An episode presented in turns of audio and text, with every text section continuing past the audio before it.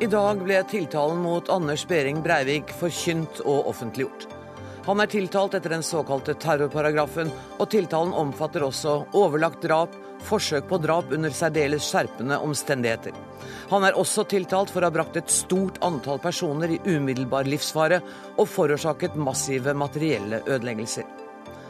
119 av ofrene for terror er nevnt i tiltalen.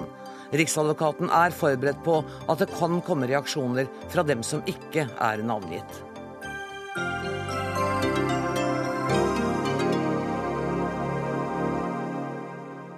Til Dagsnytt 18 kommer ofre, pårørende, bistandsadvokater, jurister og kommentatorer.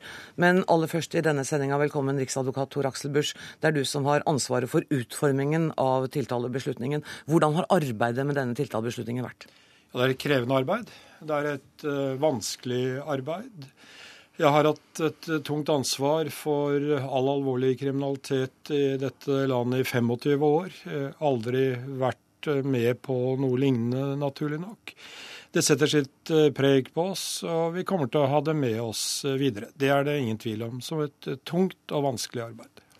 Var det noen gang i tvil om dere skulle benytte den såkalte terrorparagrafen, altså straffelovens paragraf 147? Nei, eh, det var vi nok ikke. Vi har fra første stund eh, ment at det er en veldig treffende eh, bestemmelse.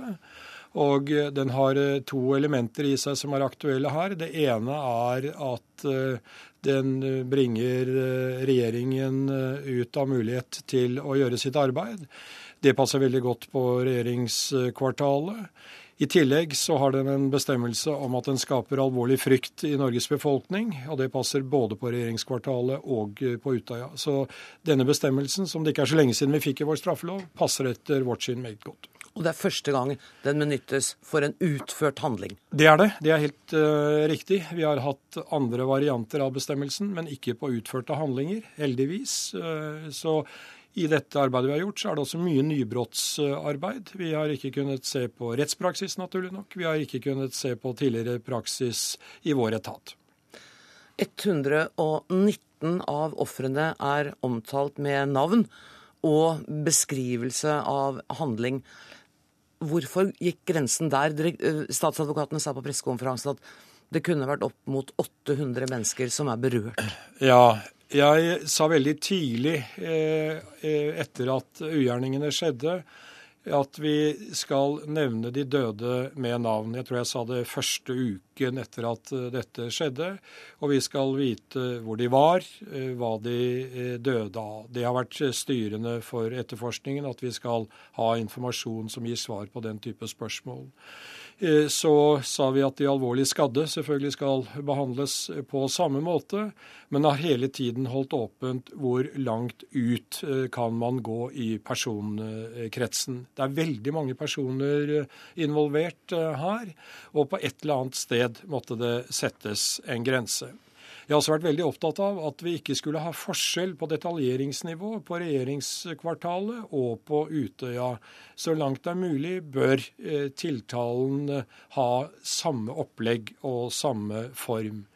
Vi mente at uh, når det uh, var ferdig med å beskrive de som døde, at det var naturlig å nevne de hardt skadde fra regjeringskvartalet, og de som han skjøt mot og traff Eh, på Utøya. Og så stoppet vi der. Eh, etter vanskelige vurderinger. Jeg legger ikke skjul eh, på det. Og dette har vi hatt med oss dag og natt, hvordan vi skulle gjøre. Men vi kompenserer det, og det ber jeg folk merke seg, ved å legge inn mer generell omtale av ulike persongrupper. Mm. Og vi går lenger i å nevne persongrupper på den måten enn det man har gjort tidligere i noen norsk tiltale. Vi har f.eks. Eh, satt opp at etterlatte pårørende fikk får ikke psykiske ettervirkninger. Det har vi ikke tradisjon for å gjøre i vanlige drapssaker, ordinære drapssaker. Så her har vi altså gått lenger på noen områder. Og mitt håp det var at eh, nå man fikk litt ettertanke og studert eh, tiltalen i Romak, så kunne alle som er berørt av de ondsinnede handlinger, si at ja, her har påtalemyndigheten tenkt på meg. Mm. Jeg hører til denne eh, gruppen. Og vi skal ikke glemme de, selv om de har gitt generell omtale. De er ikke glemt av oss. Og i rettssaken så har jeg bedt aktorene, sammen med bistandsadvokatene og forsvarerne, vurdere om det ikke skal legge frem detaljerte navnelister, slik at retten vet, så langt det er mulig, hvem påtalemyndigheten mener hører til i de ulike eh, gruppene. Så vi har eh, gjort så godt vi, vi kan. Og, og, og, vi mener at vi har fått en tiltale som er et hensiktsmessig verktøy for domstolen til å styre forhandlingene. Det er altså en viktig side ved tiltalen. Og den gir etter mitt syn også god informasjon. Hva er det dette dreier, seg om? Det gruoppvekkende altså Leser man dette i ro og mak, så må man jo bli slått av hvor forferdelig dette var. Mm. Det vil kanskje være noen som hevder at dere har satt grensen ved 119 og ikke ved 600 for å få en effektivitet i arbeidet? Ja, eh, det, det, det, er ikke det styrende og ikke det avgjørende. Eh, altså, Var det nødvendig, så fikk vi jo ta den tid eh, vi, vi, vi trengte. Men vi ser også på effektiviteten i den grad at er det mulig å styre forhandlingene med en tiltale som ikke har eh, nær sagt noen, noen ende? Og I tillegg så vil det også være da slik at eh, forsvareren med atskillig rett kunne si at alle disse som er nevnt i tiltalen, må komme som vitner. Mm. Jeg må vite eh, om han eh, skjøt mot denne personen, eller skjøt han mot kameraten som var 20 meter eh, lenger unna. Så eh, vi og så er det viktig da for å understreke dette har ingen betydning for valg av reaksjon mot Breivik. Om han eh, har, blir utilregnelig eller tilregnelig, det har Ingen innflytelse på det. Hvis han er tilregnelig, ingen innflytelse på hvilken reaksjon han får. Ingen betydning for om de har rett til eh, voldsoffererstatning. Så eh, dette har Jeg skjønner at eh, noen vil gjerne nevnes i tiltalen, mm. men vi har også fått henvendelser fra en lang rekke andre som ikke ønsker å navngis i tiltalen. Så, så, her er det veldig kryssende hensyn. og mm. Og det er på mange måter vår hverdag ganske ofte. De kryssende hensyn. Og, og, og, der beveger vi oss. Og så må vi prøve å være kloke og forstandige. Om vi har lykkes her, det må andre dømme om. Men vi har, som jeg sa, gjort så godt vi kunne. Jeg vil gjerne at du sitter her. Vi har fått eh, besøk i studio av to av dem som har eh, blitt sterkt berørt. Harald Føsker, du var ved regjeringskvartalet da bomben gikk av, og du er nevnt i eh, tiltalebeslutningen i dag. Og med din tillatelse skal jeg lese litt av det som står der. Der står det at han ble påført omfattende sår og bruddskader i hode og ansikt, med bl.a. brudd av kjeve samt sårskader på armene og venstre flanke. Du har altså også nesten mistet synet. Hva husker du av alt dette? Jeg husker at jeg sto i en telefonsamtale på kontoret mitt som da vender ut mot Grubbegata. Altså det verste stedet man kunne stå. Eh, så husker jeg det sånn metaforisk som noen slo en stekepanne i ansiktet på meg. Og et smell som jeg mener å huske som noe av det kraftigste jeg har vært borti. Og så er jeg antagelig borte en periode, for da jeg da våkner igjen, så husker jeg at jeg hang over et eller annet. Um, så ingenting. Um, skjønte at dette var et anslag mot regjeringskvartalet. Um, ikke, ikke spør meg hvorfor jeg skjønte det, men det må ha hatt noe med smellet og, og det voldsomme kaoset som jeg opplevde rett etterpå. Med alarmer, sirener. Mm. Og så har det vært et langt sykehusopphold og rehabilitering. Inntil i dag så fikk du opplest tidligere i dag. Eh, den delen av tiltalebeslutningen som gjaldt deg. Hvordan reagerer du på at navnet ditt står der? Hvis man kan si at jeg er fornøyd med det, så må jeg si det. Det har vært viktig for meg fra dag én eller to, da jeg var bevisst nok til å, å tenke klart, at den som er ansvarlig for dette, ønsker jeg skal bli tiltalt for et personangrep, et forsøk på drap. Og på en måte har dette vært en slags gjenopprettende følelse som jeg har hatt eh, helt siden jeg ble klar over hva som hadde skjedd. Trond Henry Blattmann, du er leder for den nasjonale støttegruppa etter 22.07. Jeg må spørre deg også, hvordan har det vært for deg å lese tiltalebeslutningen? Nei, Det har vært steintøft. Eh, en ting er hva vi visste, men å lese det svart på hvitt og se det kronologiske rekkefølgen, se det vanvittige omfanget av disse forferdelige hendelsene, det har vært kjempetøft. Og selvfølgelig å lese svart på hvitt eh, hvordan eh, dette skjedde med ens egen sønn, det er knalltøft. Vi har hørt Riksadvokaten forklare hvordan de har tenkt når de har satt grensene for hvor mange som skal navngis. Hva tenker du? Eh, vi har jo fått noen reaksjoner på dette. Noen syns det er tøft å ikke være nevnt. Samtidig så har jo eh, statsadvokaten redegjort eh, godt for hvorfor de har valgt å avgrense. Og vi har vært opptatt av at her må vi ha en gjennomføring av denne rettssaken som ikke strekker seg ut for langt i tid. For det er en vanvittig belastning i seg sjøl. Å tenke seg til at 600-800 mennesker skulle være nevnt i en tiltale, og da se for seg hvor lang tid dette ville strekke seg over, det tror jeg for de aller, aller fleste ville vært helt uholdbart. Men jeg ser at det er tøft for de som ikke er nevnt. Det ser jeg veldig godt. Men jeg tror eh, denne avveininga som de har måttet gjøre her, må jo ha vært ufattelig vanskelig. Og la meg si det sånn, jeg er glad at det ikke var meg som gjorde den jobben. Mm. Og nå sier jo Riksadvokaten at han, statsadvokatene, i samarbeid med forsvarere og bistandsadvokater vil vurdere om man skal legge fram en navneliste. Var det ikke slik jeg forsto deg? Eller forstår jeg deg rett, ja, ja. Riksadvokat? Eh, for retten, sånn at de vil også oppleve at retten vet hvem de er. Vil det hjelpe litt, tror du, for dem som skulle ønske de var nevnt i tiltalen? Ja, det tror jeg nok. Men jeg tror det aller viktigste i denne saken er at man bruker terrorbestemmelsen. og Det betyr at alle hendelser som skjedde 22.07. knytta til disse terrorhendelsene, blir en del av rettsprosessen. Du er blir en del av rettssaken. Ja, det er kjempeviktig for oss. fordi det betyr at ingen er glemt, mm. selv om ikke de står med navnsnevnelse. Det er veldig, veldig viktig. Vi har med oss eh, Eskil Pedersen på telefon, så jeg må be dere ta på dere hodetelefonen. Jeg vet ikke om det ligger noen ja. eh, Eskil Pedersen, vi har tidligere hørt at eh, mange av dem som var på Utøya, ikke er nevnt. Hva tenker du om det som vi snakker om nå? Jeg tenker at uh, jeg forstår deres reaksjon. Uh, det er ikke noe tvil om at uh, alle på Utøya, veldig mange i tilknytning til regjeringskvartalet, ble forsøkt drept. og at gjerningsmannen ville drept enda flere hvis man hadde fått muligheten til det. Ehm, så jeg forstår den reaksjonen. Eh, samtidig forstår jeg at det er nødvendig å avgrense. Det er mange hundre på Utøya. Det er eh, enda vanskeligere kanskje å avgrense i forhold til regjeringskvartalet.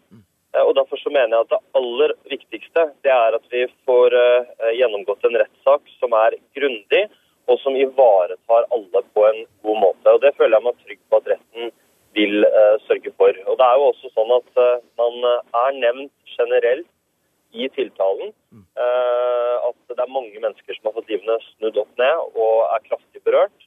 Så det er klart det er viktig at alle som er berørt og overlevde dette, også får den anerkjennelsen de fortjener.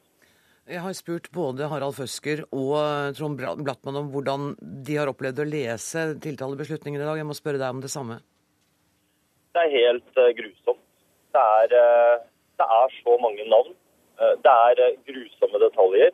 Eh, og det tar tankene mine tilbake til mye av det jeg følte i timene og dagene etter 22.07. Så det er Vi vet at det er et stort antall. Vi kjenner navnene. Det er tøft å lese det på nytt, og det er tøft å se alle de grusomme detaljene. Takk for at du var med oss på telefonen, Eskil Pedersen. Harald Fusker, du sa noe om, om hvor sterkt dette var i dag. Er det sånn at du nå gruer deg enda mer, at, eh, som Blattmann sier, at dette er liksom begynnelsen av en maraton til Nei, egentlig ikke. Jeg har tenkt, prøvd å tenke positivt fra første dag. Jeg har tenkt at det er ikke vedkommende som skal bestemme når jeg skal slutte jobb. Det skal jeg gjøre. Og slik har jeg forsøkt å bygge meg opp hele tiden for å, å, å legge ting bak meg. Og det betyr f.eks. at rettssaken betyr ikke så mye for meg eh, som offer, som eh, kanskje gjør for mange andre. Men det var også noe med at jeg var, jeg var borte veldig mye av den første tiden der og opplevde ikke mye av det som skjedde rundt i samfunnet. Riksadvokat, eh, hvordan reagerer du på det du har hørt her nå?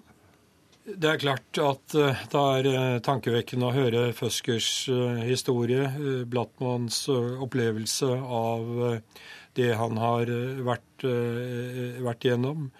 Det passer med det bildet vi har, basert på etterforskningsmateriale, alle avhørene vi har lest, legeuttalelser vi har gått, gått gjennom. Eh, jeg syns jo at eh, det gir kommentarer som eh, bygger opp under at vi kanskje ikke har truffet så aller verst i våre, våre avveininger. Jeg er selvfølgelig glad for å, for å høre det. Eh, til Eskil Pedersen, så vi er jo helt enige med det han sa, at det er forsøk på drap eh, på en lang rekke personer til i både regjeringskvartalet og eh, på Utøya. Og det står i tiltalen. Mm. Så, så, så, det kommer tydelig fram når man leser tiltalen grundig. Det står riktignok ikke mot hvem, og det er heller ikke tallfestet. Vi får se hvor langt vi kan komme i tallfestingen under bevisføringen. Men de er der. Handlingene er der. Og jeg gjentar det jeg sa i, sted. Eh, denne avgrensningen av tiltalen som måtte få en eller annen plass, den har altså ingen betydning for valg av reaksjon. Eh, eller for erstatningsmuligheter. Eller for erstatningsmuligheter. Eh, det, det, er mulig at det er bare meg som lurer, men rekkefølgen på omkomne og skadde eh, dere navngir er det, er det en tilfeldig valgt rekkefølge, eller hvordan har dere gjort det? Det er ikke tilfeldig. Eh, på regjeringskvartalet så har vi begynt eh, med de som var nærmest eh, bilen som eksploderte. Og så har vi beveget oss ut derfra. På Utøya har vi prøvd å få den kronologien som drapene skjedde i. Og det mener vi at vi har eh, veldig godt eh, på plass. Det har vært et eh, møysommelig arbeid. Blant annet var jo ti døde fraktet vekk fra øya i løpet av fredagskvelden. Men politiet har gjort et bra etterforskningsarbeid, og vi mener at vi har kontroll på det. Eh, det betyr at det som står, eh, hvordan han beveget seg, det er slik det skjedde. Den første som ble drept, var en polititjenestemann eh, på fritid på øya, og så fortsatte det. Men jeg, hvis vi f.eks. tar kafébygget, hvor mange ble drept, så kan ikke vi si med sikkerhet rekkefølgen på de som var inne i kafébygget. Men der er det nok også slik at han skyter rundt seg, og så har han skutt mot og truffet kanskje tre, fire, fem. Og så går han tilbake til den første som ble truffet, og så skyter han på nytt for å forsikre seg om at vedkommende er død. Så, så rekkefølgen innenfor disse områdene, de tror jeg aldri vi får helt svar på. Det er vel ikke sikkert vi skal ha helt svar på, øh, på, det heller.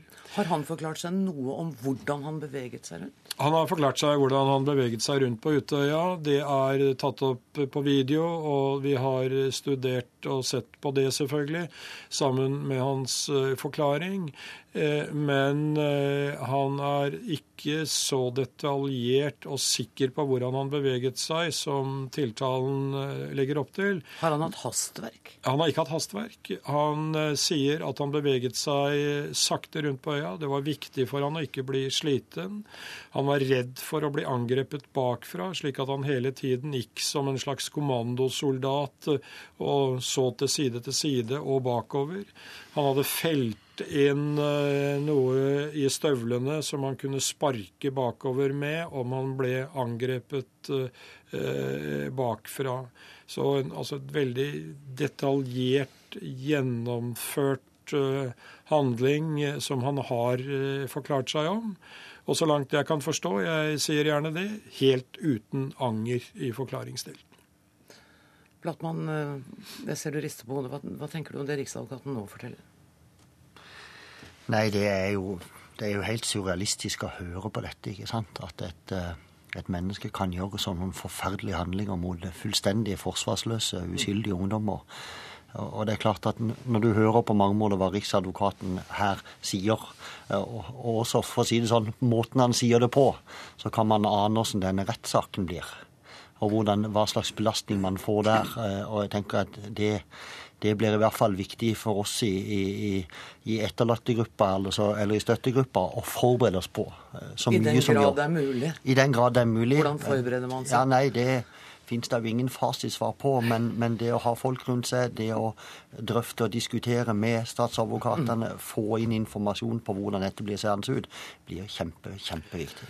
Rettssaken blir en voldsom eh, belastning. Eh, det er det ingen eh, tvil om, dessverre. Harald Fusker, du sa at du ville ikke at gjerningsmannen skulle være den som avgjorde når du sluttet å arbeide. Er du tilbake i jobb igjen? Jeg er tilbake i jobb igjen. I full jobb? Snart. Da må jeg si tusen takk til dere alle tre for at dere kom og brukte tid med oss i Dagsnytt 18. Eh, eh, og så skal vi fortsatt snakke om eh, det som er dagens nyhet, nemlig tiltalebeslutningen.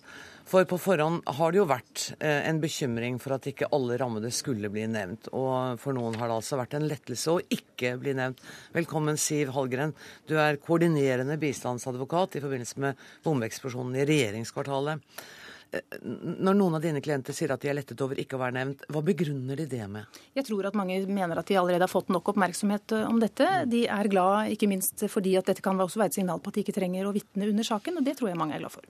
Føler de seg trygge allikevel på at deres interesser blir ivaretatt i denne rettssaken? Ja, at interessene blir ivaretatt, det tror jeg de føler seg trygge på. Ja. De reaksjonene jeg har fått i dag, de går på at de eh, er glad for at det, det som flere har vært inne på nå, at det er tatt ut en tiltale også på forsøk på drap på alle som var i høyblokka ja. og i umiddelbar nærhet der, det er de glad for. Uh, altså, da er de på en måte omfattet av det, og det er litt av reaksjonen.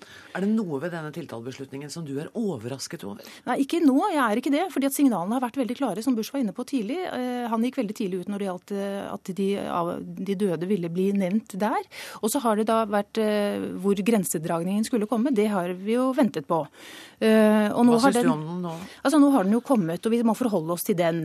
Vi har kommet med innspill tidligere at vi ønsket at flere skulle bli nevnt men det har man falt ned på å ikke gjøre. Og jeg ser jo godt begrunnelsen på det, for å få en sak som er mulig å avgrense også rettslig. Nå er det satt av tid, det er gjort mange valg i denne saken som påvirker dette. Det er satt av ti uker til hovedforhandlingen. Ehm, og jeg tror altså med denne avgrensningen så burde det være mulig å få gjennomført på den måten. Men det at han, Riksadvokaten sa at han aldri var i tvil, eller veldig tidlig ble, bestemte de seg for å bruke terrorparagrafen. Var det overraskende for dere?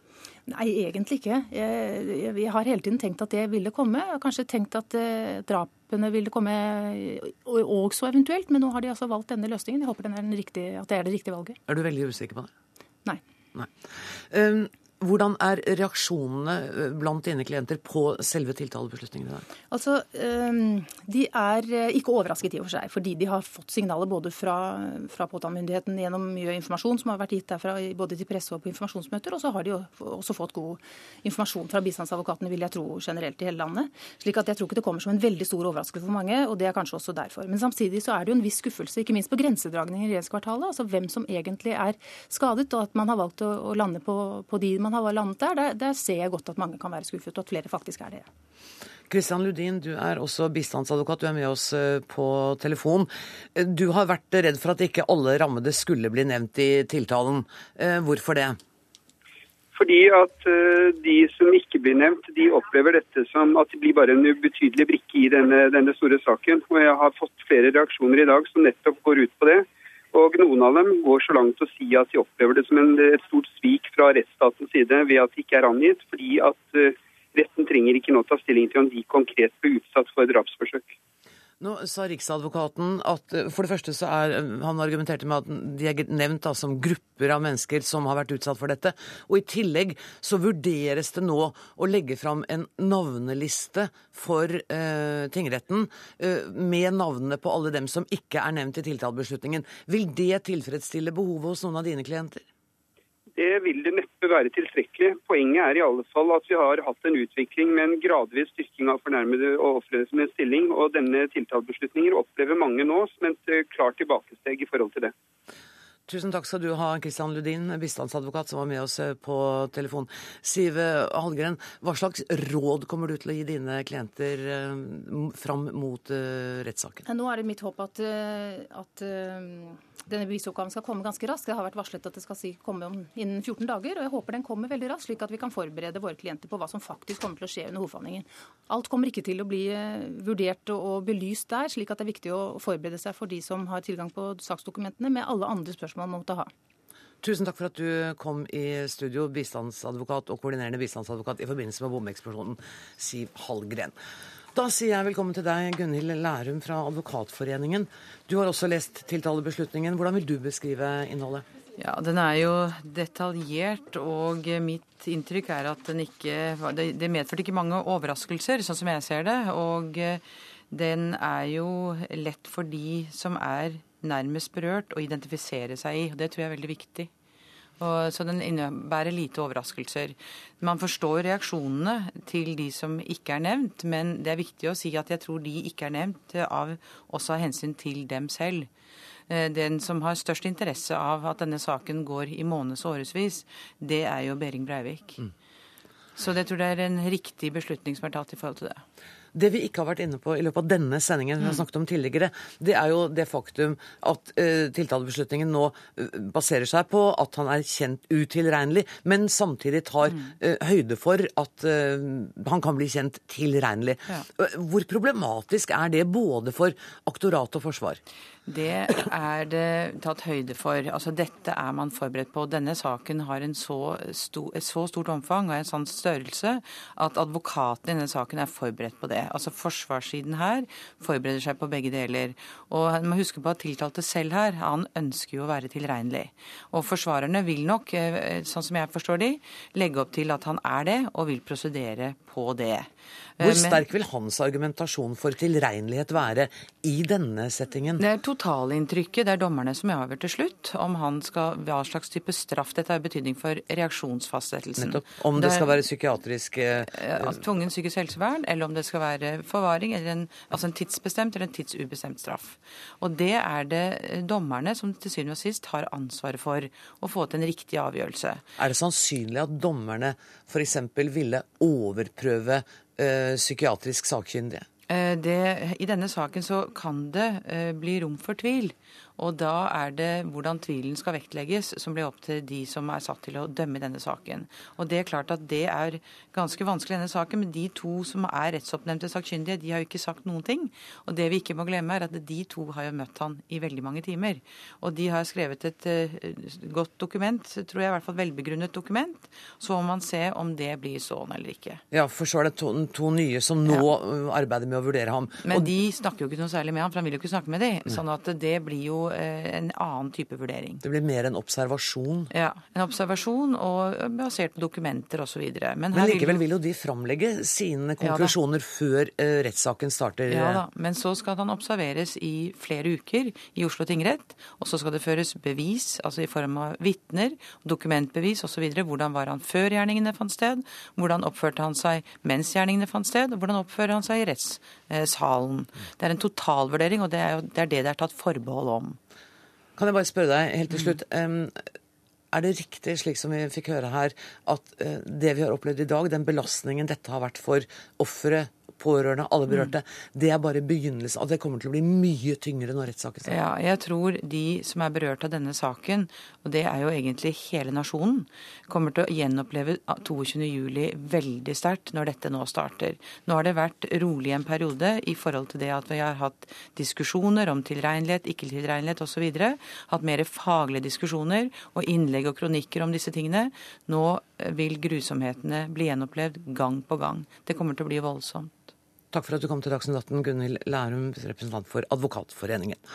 Vi skal treffe politisk redaktør i Aftenposten Harald Stanghelle og Knut Magnus Berge, som er, her, som er kommentator her i NRK. Dere er ikke begge to kommentatorer her i NRK. Um, Harald Stanghelle er fortsatt i Aftenposten. Um, Harald, Hvordan du, vil du beskrive denne tiltalebeslutningen? Jeg har spurt flere om det. Jeg er interessert i å høre din kommentar på det.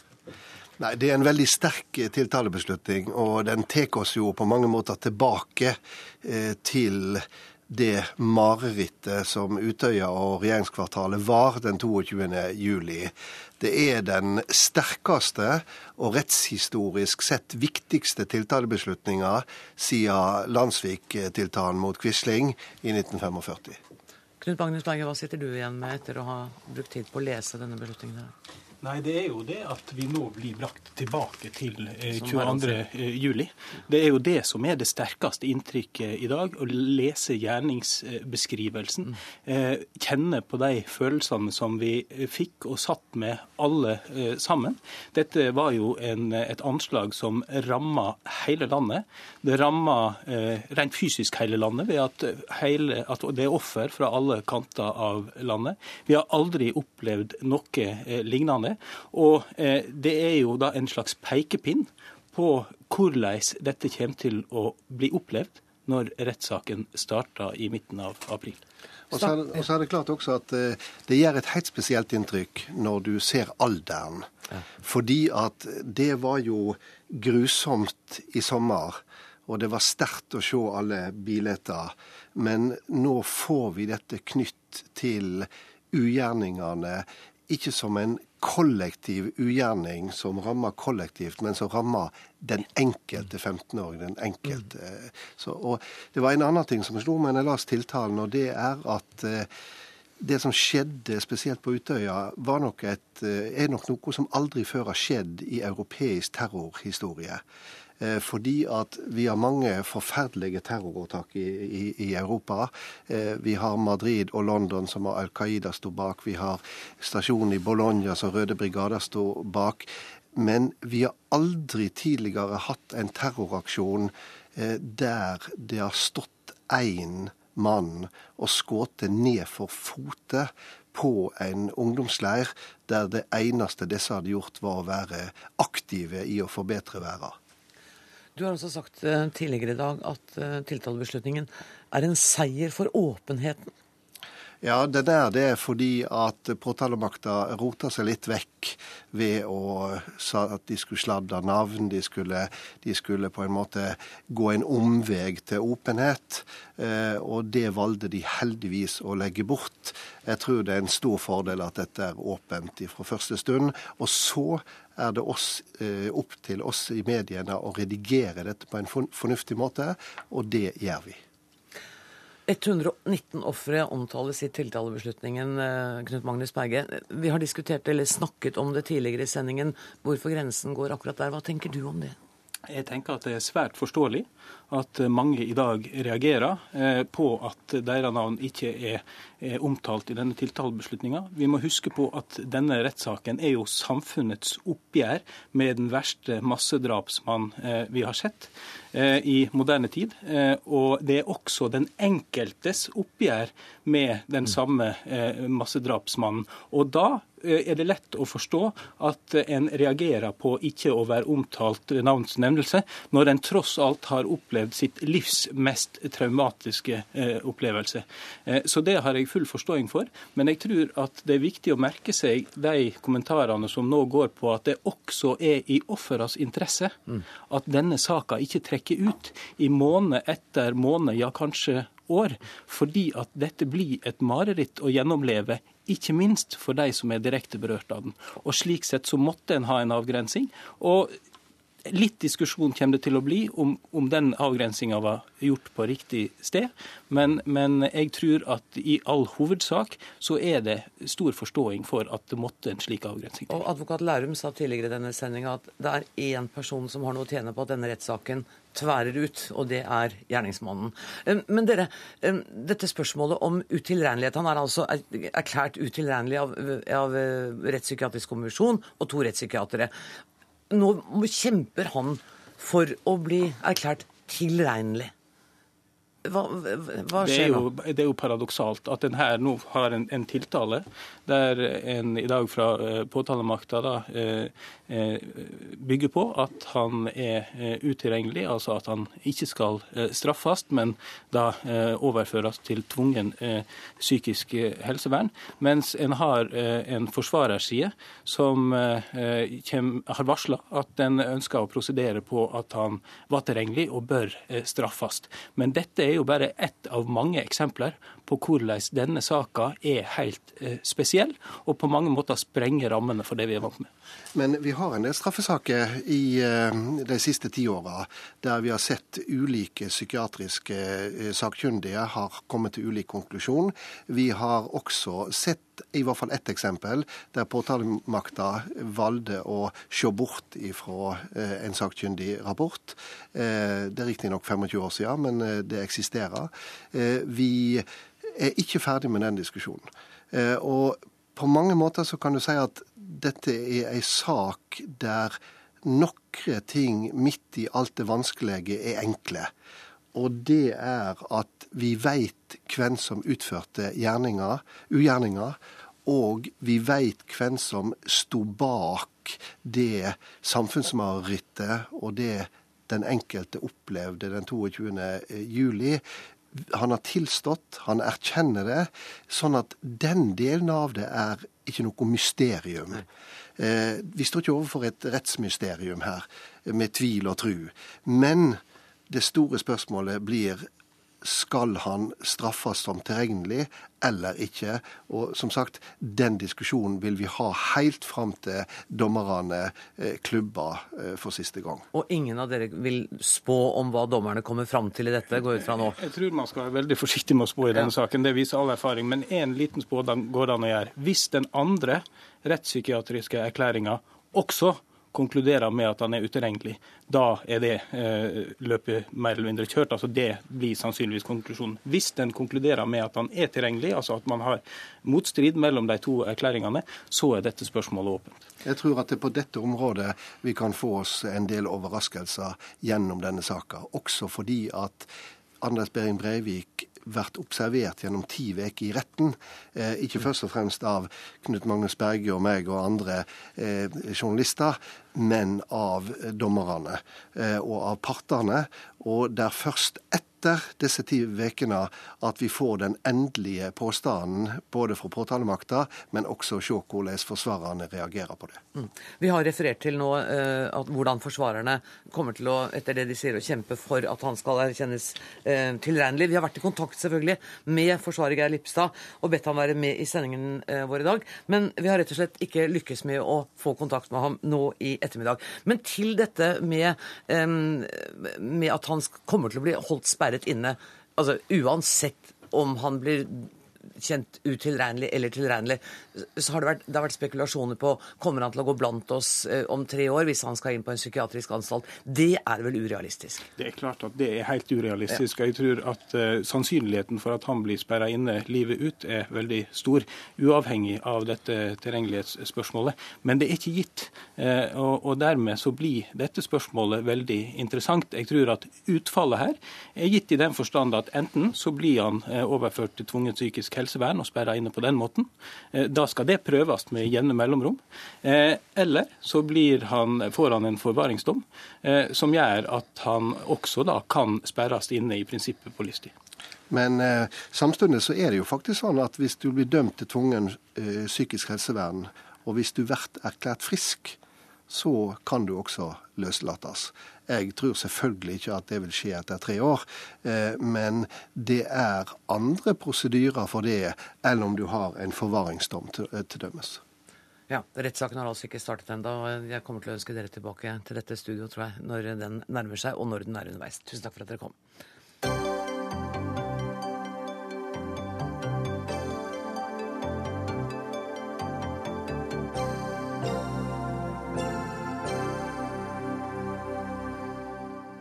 Da skal vi skifte tema i Dagsnytt 18 i dag. Stortingspolitiker Henning Warloe er siktet for å ha oppbevart narkotika i sin stortingsleilighet i Oslo. I går kveld hasteinnkalte Høyre til pressekonferanse for å fortelle at Warloe nå er ferdig som tillitsvalgt i partiet. Når vi har stilt spørsmål om han har brukt narkotika, altså i perioden når han er stortingsrepresentant, og han har svart ja på det, det har vært nok til at vi ikke trenger å gå grundigere inn eller grave i det. Det er det spørsmålet som på en måte har vært avgjørende for oss i vår vurdering av eh, at det er tillitsbrudd. Og det er også hans egen vurdering av dette. Når du er stortingsrepresentant, når du skal forvalte Norges lover, så skal du også leve etter de lovene. Og da er symbolvirkningen av at for et parti hvor man har nulltoleranse mot narkotika, at stortingsrepresentanter blir dømt for narkotikabruk, det er faktisk et, eh, en vanskelig sak. Det sa Høyre-leder Erna Solberg i går. Velkommen, Erling og Lyngtveit, du er Varlos advokat. Han erkjenner altså å ha brukt eh, narkotika eh, mens han var stortingsrepresentant? Det er riktig. Hvor lenge er dette siden? Det han har fått spørsmål om fra politiet, for å være presis på dette, det er om han noen gang har brukt narkotika. Det har han svart ja på. Og så har han fått spørsmål om dette har skjedd i løpet av de siste seks-syv ukene. Det har han også bekreftet. Det er de spørsmålene han har fått, og det er det han har svart på. Så du vet heller ikke om han har bekreftet at han har tatt narkotika mer enn én gang, f.eks.? Eh, dette er de spørsmålene han har fått, og det er det jeg er kjent med. Han har tidligere engasjert seg sterkt i kampen mot eh, narkotikamisbruk. Hva tenker du om det engasjementet? Eh, la meg si det at når en ting som dette kommer frem, så er han i realiteten temmelig forsvarsløs. Han har ingen andre bebreide enn seg selv. Det innser han selv også.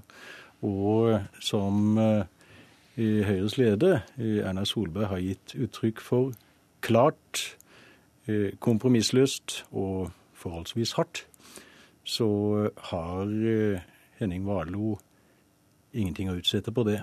Han har ingen bebreidelse å rette mot eh, noen andre.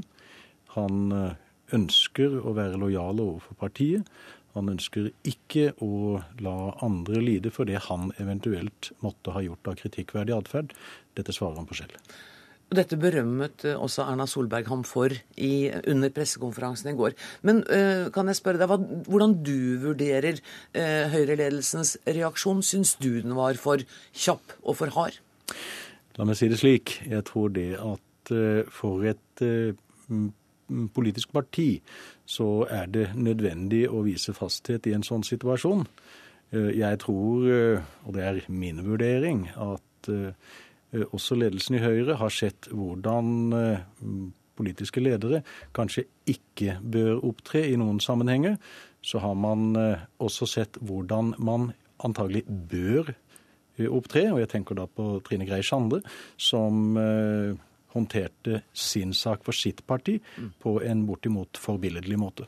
Så hun har nok vært et eksempel. Man må vise fasthet, og slik er en del av systemet. og Det kjenner også Henning Warloe til. Så han har forståelse for det, selv om det selvfølgelig er tøft. Ja, det er klart. Men, men um, i tillegg til, uh, til, det å ha uh, beslaglagt narkotika, så, uh, det har altså politiet gjort, så er det dette spørsmålet om nøkkel. At han har lånt ut nøkkelen til Stortingets leilighet, og det er i brudd med Stortingets reglement. Hvordan vurderer du det? Nå konstaterer du at det er et brudd på Stortingets reglement. Ok, Unnskyld, det ja, blitt, eh, jeg, jeg siterte jeg, på det. Jeg ser det er noen som gir uttrykk for det. Ja. Jeg kjenner ikke nok til reglementet til å ha noen absolutt oppfatning av dette. Nei, Da skal jeg ikke ha påstått Nei, det, for det har jeg lest. Men eh, jeg har også lest noe mm. tilsvarende om det. Det som i alle fall har vært situasjonen, er at han har latt en bekjent uh, ha tilgang til leiligheten i periode. Uh, en han kjenner, og som han har syntes synd på og gjerne ville støtte. Hvordan ser du for deg fremdriften i denne saken nå? Vi forventer en rask avklaring, og behovet for en rask avklaring er ikke blitt mindre, ettersom det synes å tilflyte media en hel rekke forholdsvis detaljerte informasjoner fra den etterforskningen, opplysninger som jeg som forsvarer heller ikke er blitt kjent med. Eh, nettopp det at det blir spekulasjoner, og det synes å tilflyte media informasjon på uautorisert vis fra etterforskningen, gjør det desto viktigere å få en rask avklaring. Tusen takk skal du ha, Erling Lyngteit, forsvarer. Eh, partileder i Høyre, Erna Solberg, er invitert selvfølgelig til å delta i denne saken, men så ikke behov for å kommentere saken ytterligere i eh, Dagsnytt 18. Velkommen, sjefredaktør i Nettavisen, Gunnar Stavrum. Hva tenker du? Jeg tenker at hvis eh, han har innrømmet å ha brukt narkotika i løpet av de siste ukene, og det skal være snakk om amfetamin, har vi fått bekrefta, så er det umulig for han å fortsette med verv i, i Høyre. For du var litt skeptisk til den raske og kraftige reaksjonen fra Erna Solberg i går? Altså, jeg er jo skeptisk eh, egentlig i utgangspunktet for at man tar, man tar standrett i sånne saker og man bare avgjør ting med en gang. Men det er klart, hvis man vet at han eh, har innrømmet å ha brukt et Eh, farlig narkotisk stoff i løpet av de siste ukene, og han samtidig har vært narkotikapolitisk, så er det umulig for et parti å la han fortsette. Men øh, Vi hørte, snakket om det i redaksjonen i dag, og sikkert mange som sitter og tenker men begynner vi å stille krav? Hvis han nå har gjort dette én en eneste gang i livet, begått det feiltrinnet, Krever vi liksom helt umenneskelige egenskaper av våre politikere? Jeg syns det er to farlige ting her. Den ene farlige tingen er at hvis vi bare får politikere som aldri har levd et liv, aldri vært ute i yrkeslivet, aldri opplevd noen ting, eh, så blir vi ikke styrt på vegne av, men vi blir styrt over. Og Den, den framtiden vil jeg være redd for. Det andre er at partiene er så opptatt av å ikke komme og tape anseelse at de gjør veldig raske prosesser. Det er også veldig farlig for de som er i politikken. Så skal jeg nevne det at eh, Jens Stoltenberg har jo innrømmet å ha brukt hasj i sin tid. Han er statsminister. Vi har akkurat en partileder på påtroppene som har innrømt å ha brutt habilitetsreglene i forvaltningsloven. sånn at eh, det finnes jo en viss tilgivelse også. Og det gjør det kanskje også for uh, Valo? Det gjør det nok kanskje over tid.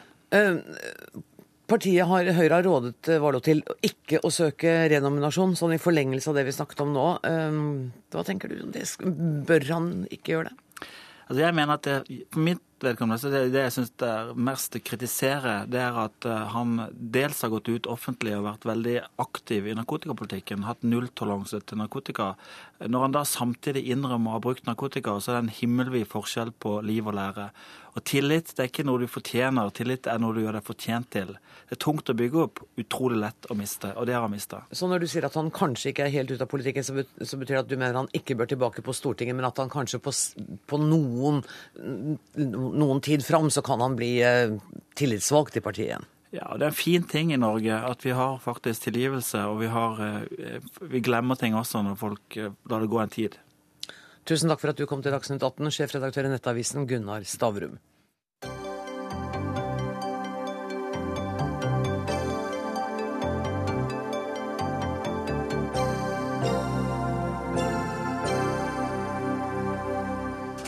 Tankesmien Civita vil kartlegge interne motsetninger i norsk fagbevegelse.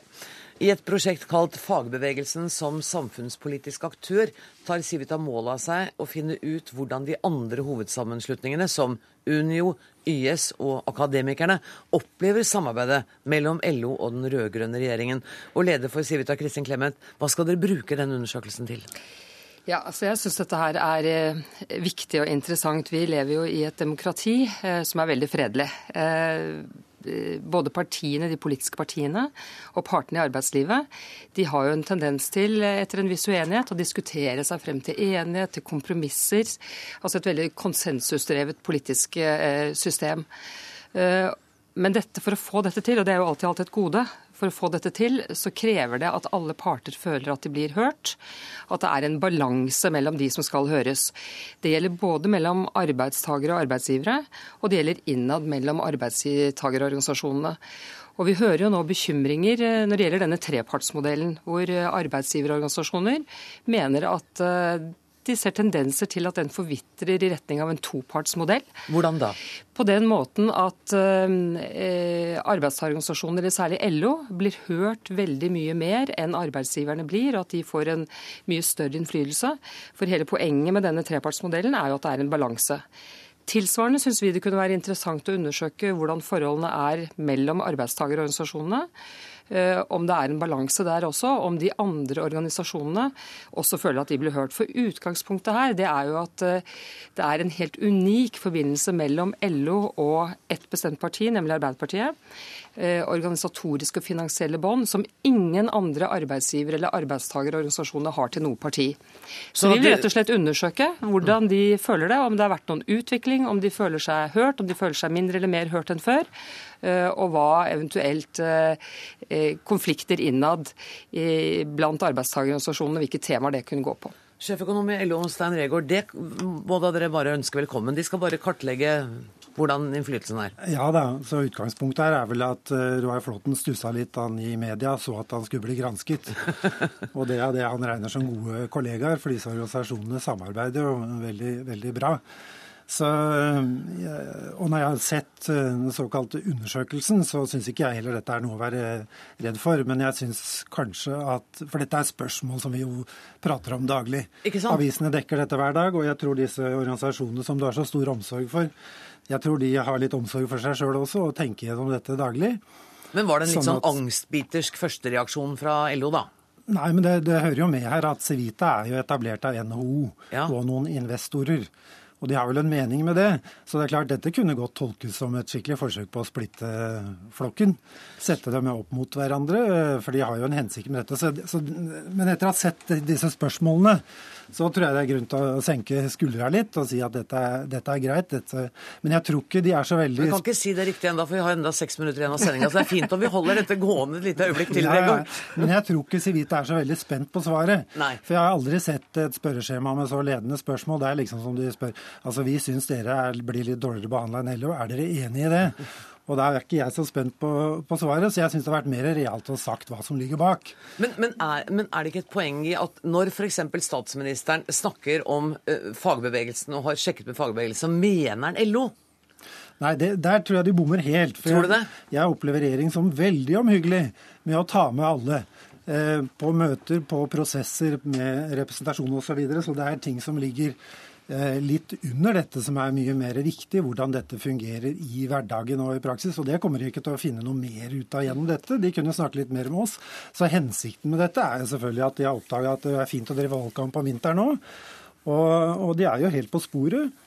For LO er jo den viktigste hindringen mot at vi har fått et sånt høyresamfunn i Norge, som en har i en del andre land, og som Civita jobber hver dag på vegne av NHO og en del investorer for å få til. Fordi de tror, En del av disse høyremenneskene tror at det blir så mye bedre her i landet hvis vi får litt lavere skatt og vi får litt billigere arbeidskraft, og fremfor alt fleksibel arbeidskraft. Skattedebatten skal vi ikke ta, og jeg mente ikke at du skulle snakke alene de siste seks minuttene heller. Nei, jeg syns dette er en veldig undervurdering av det veldig mange skryter av, spesielt LO og venstresiden, nemlig trepartsmodellen og eh, arbeidstagerorganisasjonenes eh, gode innflytelse i det norske samfunnet. Eh, og det er jo ikke Du må ha lagt merke til at bl.a. arbeidsgiverne nå er bekymret over den økende innflytelsen LO har fått, og hvor det skjer delvis i lukkede rom, og hvor man snakker om at ting blir forhåndsbestemt, og hvor, hvor fagbevegelsen på visse områder får en slags vetomakt. F.eks.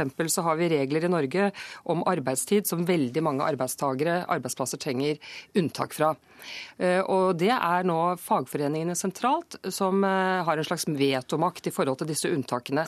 Det er en veldig ubalanse mellom arbeidsgivere og arbeidstakere. På got arbeidstakersiden er ikke vi ferdig med vår undersøkelse, men vi så jo avisen at representanter bl.a. for YS var ute og sa at man av og til følte at ting var forhåndsbestemt i de lukkede rom, i de samarbeidsorganene LO og Arbeiderpartiet har, og at man ikke blir hørt så mye. Og at det også har vært en utvikling hvor man under en borgerlig regjering faktisk var slik at eh, mange av disse arbeidstakerorganisasjonene ble hørt mer enn de blir nå. Og jeg, skulle, jeg kan ikke skjønne annet enn at ikke eh, LO vil ha en interesse av å opprettholde denne viktige balansen. fordi balanserte løsningene de finner man ikke bare mellom Arbeiderpartiet og LO, men i balansen mellom arbeidstakere og arbeidsgivere og alle arbeidstakerinteresser. Det er jo en grunn til at eh, mange arbeidstakere melder seg inn i andre arbeidstagerorganisasjoner. Det kan være fordi NLO, det kan være fordi de har andre verdier, andre holdninger, andre meninger, andre interesser. Og de skal selvfølgelig også høres, selv om LO er en stor organisasjon og, skal, og det skal tas hensyn til det. Ja, altså det, det, det, er veldig hyggelig med denne omsorgen for eh, organisasjonene. Ja, men, men den, denne, bekym, denne bekymringen for eh, at LO er blitt sterk, som hun har hørt på arbeidsgiversiden, den tror jeg de som har, ville hatt lenge nok, har hørt i 110 år. Det har vært en del av den daglige kampen. Og, og det er særlig det dere kunne spurt om, og som er mest relevant, egentlig, det er er dere uenige i de løsningene LO forhandler fram. LO har vært i front for å få arbeidstidsforkortelser, for å få Eh, kortere ferie for å få opprettholde sykelønns... lengre ferie, kortere arbeidstid. Eh, opprettholde sykelønnsordningen, få til AFP.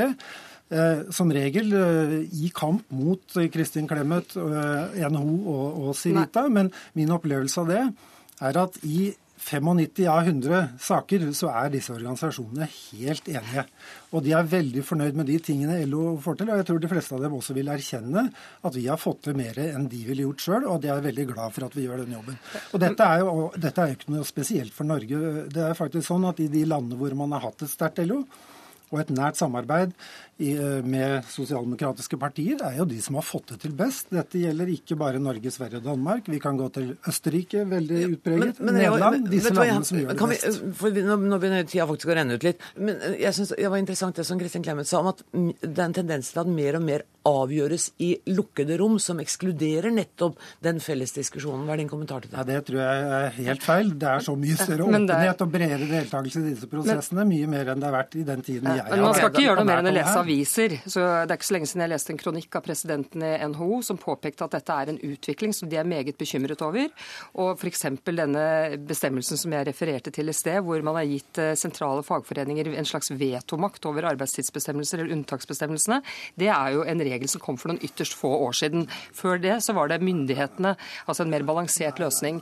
Eh, og så, eh, jeg kan ikke det Hadde et hvilket som helst annen arbeidsgiverforening eller arbeidstagerorganisasjon hatt så tette bånd til et politisk parti som LO har til Arbeiderpartiet, så hadde det vært utsatt for mye mer granskning fra pressens side, mye mer kritikk enn det er i dette tilfellet. Så litt søkelys måtte også LO tåle, tror jeg. Og så kom det litt mediekritikk helt på tampen. Du skal få lov å svare helt kort på dette, og nå mener jeg kort.